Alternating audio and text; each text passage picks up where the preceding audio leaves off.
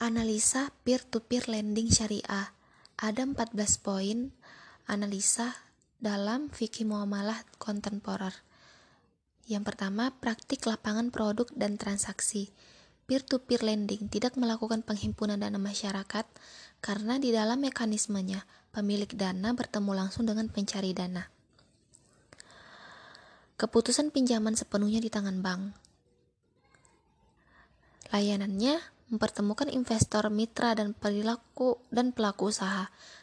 Perusahaan penyedia platform adalah penjual jasa yang bertransaksi usaha adalah investor, mitra, dan pengelola. Dan transaksi dilakukan secara digital. Yang kedua ada parameter kesesuaian syariah. Peer-to-peer lending syariah dibanding yang biasanya adalah adanya kesesuaian dengan prinsip syariah yang penting bagi umat muslim. Lalu, imbal hasil juga akan didapatkan tanpa dikurangi dengan biaya apa pun. Semua ditentukan lewat akad yang sudah disepakati oleh pemberi maupun penerima pinjaman. Yang ketiga, adab etika bisnis Islam amanah dalam menjalankan bisnis dengan berkomitmen sesuai janji dan kesepakatan. Dalam surah Al-Maidah ayat 1 Hai orang-orang beriman penuhi, penuhilah akad-akad itu. Kemudian eh, yang keempat ada usul fikih. Quran surah An-Nisa ayat 29 Hai orang-orang yang beriman, janganlah kalian memakan mengambil harta orang lain secara batil, kecuali jika berupa perdagangan yang dilandasi atas sukarela di antara kalian. Kemudian ada uh, hadis riwayat hadis Nabi Shallallahu Alaihi Wasallam riwayat Ibnu Majah dan Uba, Ubaidah bin Al Samit radhiyallahu an riwayat Ahmad Ibnu Abbas radhiyallahu an riwayat Malik dari bapaknya Yahya Al-Mazini radhiyallahu an yang ri dan riwayat Al-Hakim dan Al-Dar Al-Khudni dari Abu Said Al-Khudri tidak boleh membahayakan merugikan orang lain dan tidak boleh pula membalas bahaya kerugian ditimbulkan oleh orang lain dengan bahaya perbuatan yang merugikannya. Kemudian eh, yang kelima ada kaidah fikih. Yang kelima, kaidah fikih pada dasarnya segala bentuk muamalah itu diperbolehkan kecuali ada dalil yang mengharamkannya. Kemudian, kemudian kebijakan pemimpin terhadap rakyat harus mengikuti mengacu berpihak kepada kemaslahatan masyarakatnya. Kemudian yang keenam ada makosid syariah. Makosidnya uh, upaya pemenuhan kebutuhan akan terjadi kekurangan modal dalam melakukan kegiatan usaha akad-akad fikihnya akad al-qard akad wakala bil ujroh akad mudorobah muqayyadah akad musyarakah. Kemudian konsep fikih muamalah uh, produk fintech ini dipe, dibolehkan menurut syariah jika memenuhi rambu-rambu. Di antaranya transaksi harus menjelaskan ketentuan akad sesuai syariah.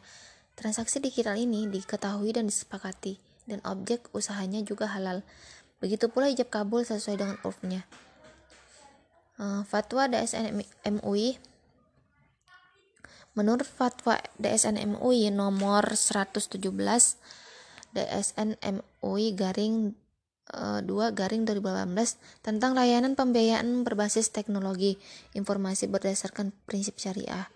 Model layanan pembiayaan yang dapat dilakukan oleh penyelenggara antara lain. Pertama, pembiayaan anjak piutang yaitu pembiayaan dalam bentuk jasa pengurusan penagihan piutang berdasarkan bukti tagihan. Baik disertai atau ditanpa disertai talangan yang diberikan kepada pelaku usaha yang memiliki tagihan kepada pihak ketiga. Kemudian ada fatwa syariah AAOIV AAOF AAOIFI nomor 38 online financial dealings.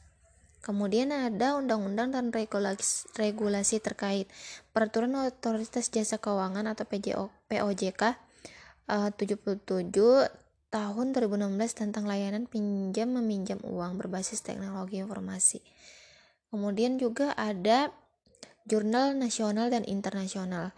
Jurnal dengan judul Tinjauan Muamalah terhadap Pelayanan Transaksi Digital Finansial melalui aplikasi PD di PT Indo Indoalis Perkasa Sukses karya Nurul Fadil karya Nurul Fadliyah dan Ahmad Musyahid. Jurnal dengan judul Konsep Fintech Lending dalam perspektif dalam perspektif Makosid Syariah karya Muhammad Novi Rifai. Uh, berita dan informasi dari Kompas dengan judul Ekonomi Halal diadopsi banyak negara fintech syariah yakin akan tumbuh. Um, terus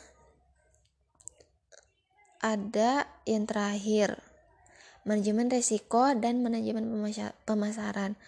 Pengukuran risiko yang dilakukan dengan menggunakan analisis credit scoring atas dokumen-dokumen uh, yang diajukan borrower agar proses pendanaan yang dilakukan oleh lender lender lebih berkualitas. Bedanya, pada skema syariah tidak semua invoice bisa diterima. Kemudian kontrol internal uh, in, dalam dan persyaratan kepatuhan yang diberlakukan oleh regulator agar terciptanya sistem keamanan dan menciptakan sistem keuangan yang inklusif dan lebih transparan. Berdasarkan laporan Islamic Fintech Fintech uh, Fintech Report 2018 mengidentifikasi terdapat 90 fintech syariah global global yang memberikan solusi layanan keuangan, yang mana 65 fintech menyediakan layanan keuangan berbasis teknologi peer-to-peer lending yang memberikan solusi bisnis keuangan, dan 14 fintech yang lainnya memberikan layanan simpanan dan transfer via blockchain uh, teknologi. Sekian dan terima kasih. Assalamualaikum warahmatullahi wabarakatuh.